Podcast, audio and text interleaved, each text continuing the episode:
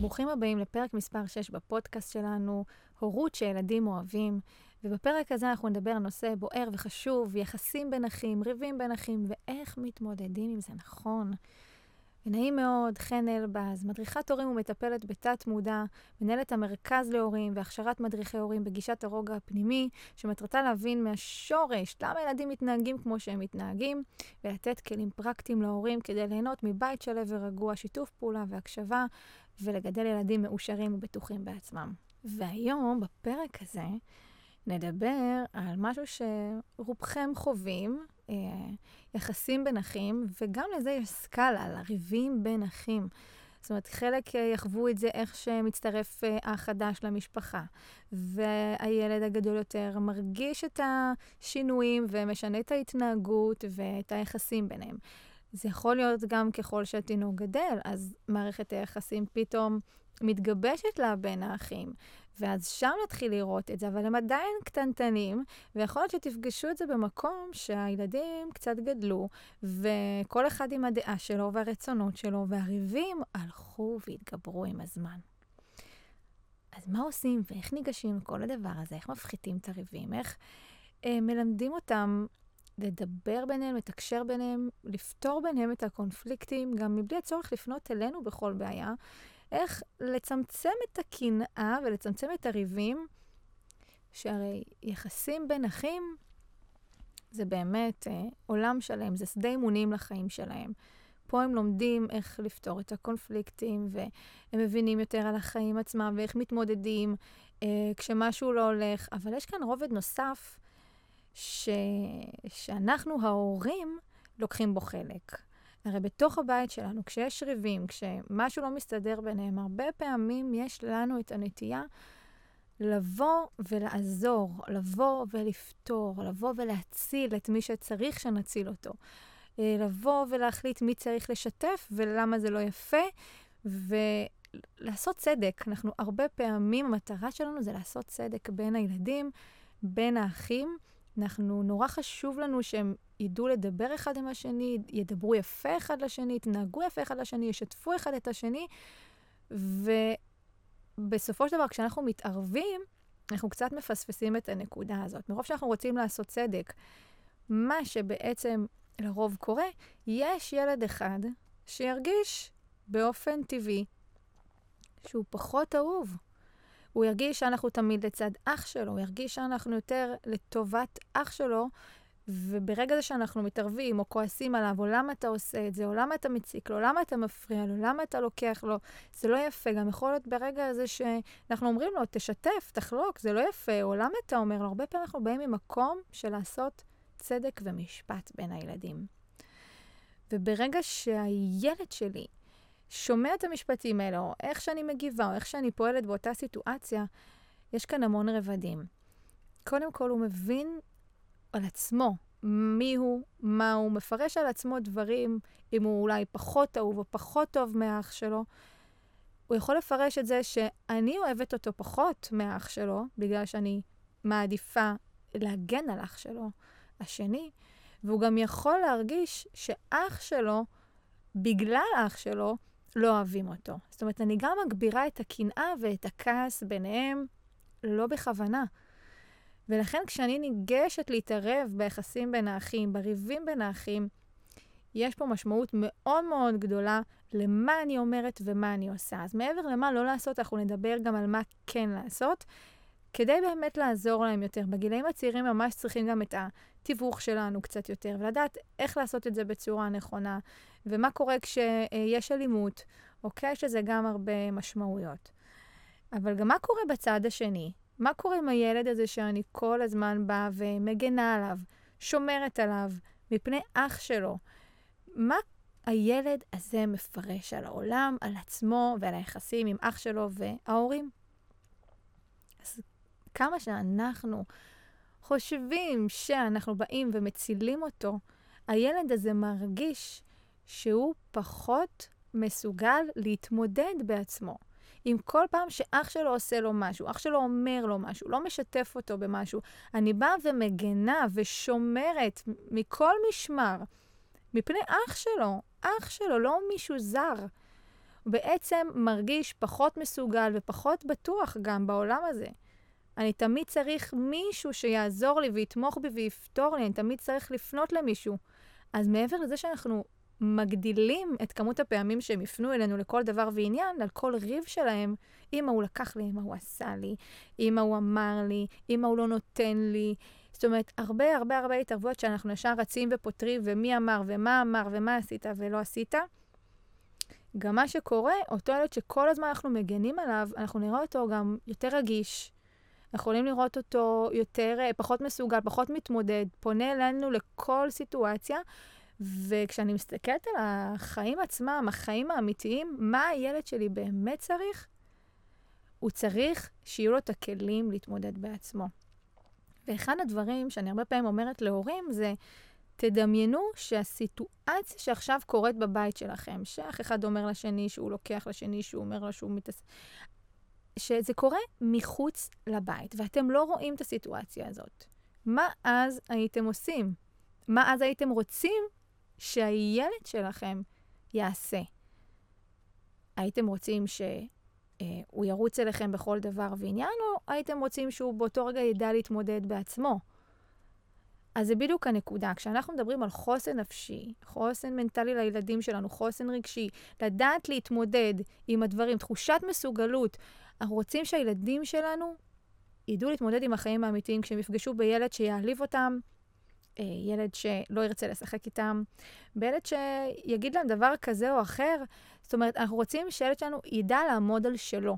ולא יחפש כל הזמן מי יכול להושיע אותו ולעזור לו. ולכן כשאני מסתכלת על יחסים בין אחים, אני מסתכלת רחב יותר, גדול יותר, רחוק יותר. איך אני מאמנת את הילדים שלי לחיים האמיתיים בהם יפגשו בנושאים חברתיים, רגשיים כאלה ואחרים. ובכל פעם שהילדים שלנו רבים ביניהם, אנחנו צריכים להסתכל בצורה כזו, אוקיי, קודם כל אני יכולה לתת להם להתמודד בעצמם. אף אחד פה לא אה, נגד השני, אף אחד לא מחפש לעשות רע לשני. אם אני אכניס את הפרשנות שלי ואגן עליהם שם ואעשה לעשות צדק, אז תהיה תחושה של באמת מישהו כאן לא בסדר, ואתם אחד נגד השני. בעצם שותלת באופן לא מודע שהילדים שלי אחד נגד השני. תחשבו על זה, איזה מטורף זה. כשאני אומרת לילד אחד, למה אתה מציק? תפסיק להפריע לו, זה לא יפה מה שאתה עושה, זה לא... אני מקטלגת את אחד הילדים כילד מציק ומפריע. והוא בעצם יכול מאוד להיות רק מבקש את התשומת לב של אח שלו, או שהוא מקנא באח שלו. ואז אני רוצה להבין למה, למה הוא כל כך מקנא. מה קרה במהלך השנים, החיים או הזמנים האחרונים שהילד שלי מרגיש צורך לקנא כל כך אבל באח שלו, שאולי כל כך כועס עליו? מה בתגובות שלי גרם בעצם לילד להרגיש פחות אהוב מאח שלו? שיש לו במה לקנא באח שלו, שהכעס בעצם כלפי אח שלו הלך וגדל. ולפעמים זה באמת עניין של אחים, ילדים, הוא רוצה לשחק איתו, ככה הוא יבקש את התשומת לב שלו, באיזה שהוא יציק לו כביכול. אני שמתי קטלוג של הצקה, אבל זה לא באמת הצקה, זו דרישה לתשומת לב, זו דרישה ליחס, זה רצון להיות כמו אח שלי, זה רצון לעשות את מה שהוא עושה, ללמוד ממנו. כשאני שותלת מסרים חיוביים ביניהם, אני עושה תיווך חיובי, אתה רוצה לשחק איתו, אתה רוצה ללמוד ממנו, אתה רוצה גם לעשות את זה, אתה רוצה משהו חיובי מאח שלך, או אפילו, מה, קשה לך, אתה כועס עכשיו, אתה נורא רוצה את זה והוא לא יכול. זאת אומרת, אנחנו מתווכים ומתמללים את הילדים שלנו בכל גיל. זה בסדר לפנות למה שהם מרגישים, ואנחנו רוצים לפנות לזה יותר בצורה חיובית ונעימה, מאשר בעצם להאשים ולפתור אה, ולהרחיק את אחד מהם בצורה כזאת שהשני יבין שהוא לא בסדר. אוקיי? הרבה פעמים לפעמים הורים מספרים לי שבזמן אה, שיש ריב בין האחים, אז הם לוקחים את הילד שנפגע, מחבקים ומרחיקים אותו כדי שהאח הפוגע יבין שהוא לא בסדר, וככה לא מתנהגים. זאת אומרת, מעצם ההתרחקות, הוא יבין שבעצם ככה לא מתנהגים. אבל ההפך, ברגע שאני מרחיקה בצורה אה, אה, שהילד יבין שככה לא מתנהגים, הוא יותר ירגיש שאני פחות אוהבת אותו, שאני מתרחקת ממנו. גם אם אני מתרחקת, זה לא ממקום עכשיו של הוא צריך להבין, אלא באמת אולי כדי לשמור על אחד האחים, או כדי להרגיע, או להתייחס, אבל זה לא היה ממקום שעכשיו אני כועסת עליך בגלל איך שהתנהגת. כשאני נכנסת וכועסת, על הילדים שלי כשהם רבו, כשהם לא הסכימו, לא משנה מה, גם אם זה על משחק או על דברים אחרים, אני בעצם לא מלמדת אותם שום דבר.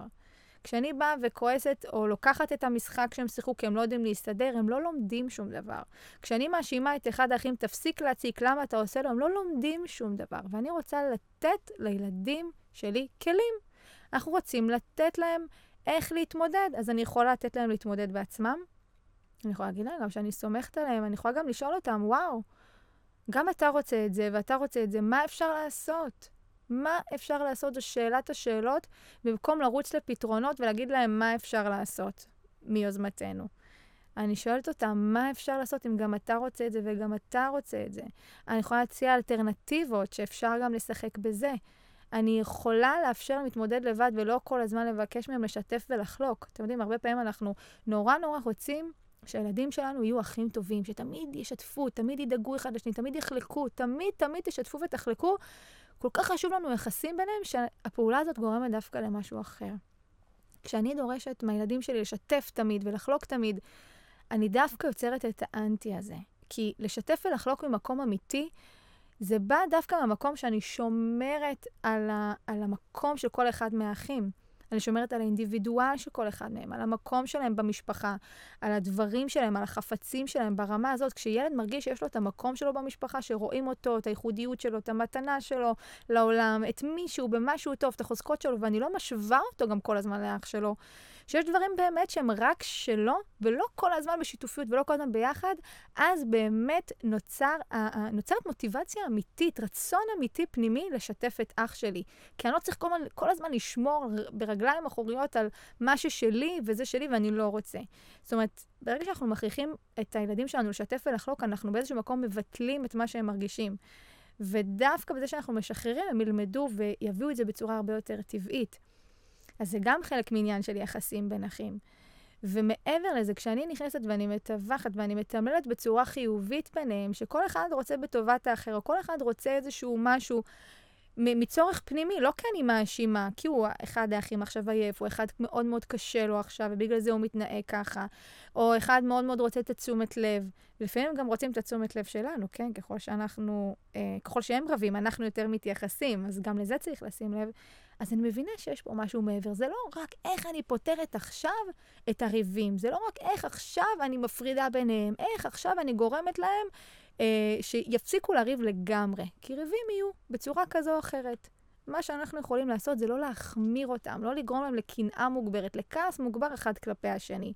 ולכן אחד הדברים הנוספים שאפשר לעשות זה לא תמיד לחנך, לנסות לחנך או להפסיק או לכעוס באותו רגע שהאחים רבים. אני יכולה להפריד ברוגע, אני יכולה להתייחס למה שהם מרגישים, אני יכולה לתמלל ולתווך ביניהם, אני יכולה גם לתת להם להסתדר בעצמם, ואני יכולה גם לדבר אחר כך, אחרי שהדברים נרגעים. כשהדברים קצת שוקעים, אם זה משהו שחוזר על עצמו, אני יכולה באמת לדבר עם אותו אח שקשה לו, או אותו אח שאני כן יכולה יותר לדבר איתו, ולהגיד שבאמת יש סיטואציות כאלה ואחרות שחוזרות על עצמן, ואני רואה שזה נורא קשה לו, וגם לצד השני שהוא נורא רוצה משהו, ומה אפשר לעשות בפעם הבאה, ואיך נתמודד.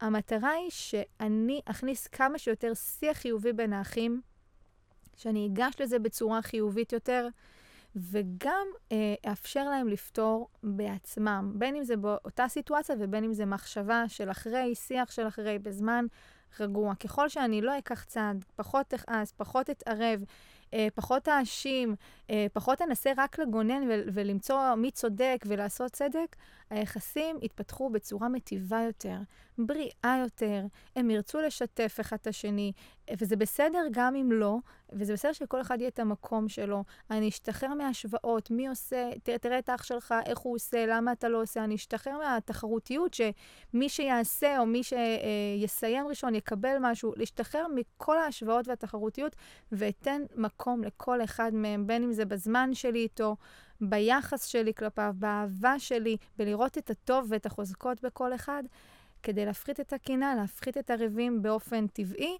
ולתת להם כלים לחיים, להתמודדות, במצבים שאני לא תמיד אהיה שם לידם לכוון ולעזור ולפתור, אלא באמת יהיה להם את הארגז כלים הזה איתם, לא לקחת אישית כל דבר שאומרים להם, וגם להתמודד ו- ולענות ולהגיב מה שהם מרגישים. אז בשורה התחתונה, יחסים בין אחים זה אימונים לחיים, כלים לחיים. מקווה שלקחתם פה כלים פרקטיים להתחיל ליישם, ותעדכנו אותי איך הולך לכם. ניפגש בפרק הבא. ביי בינתיים.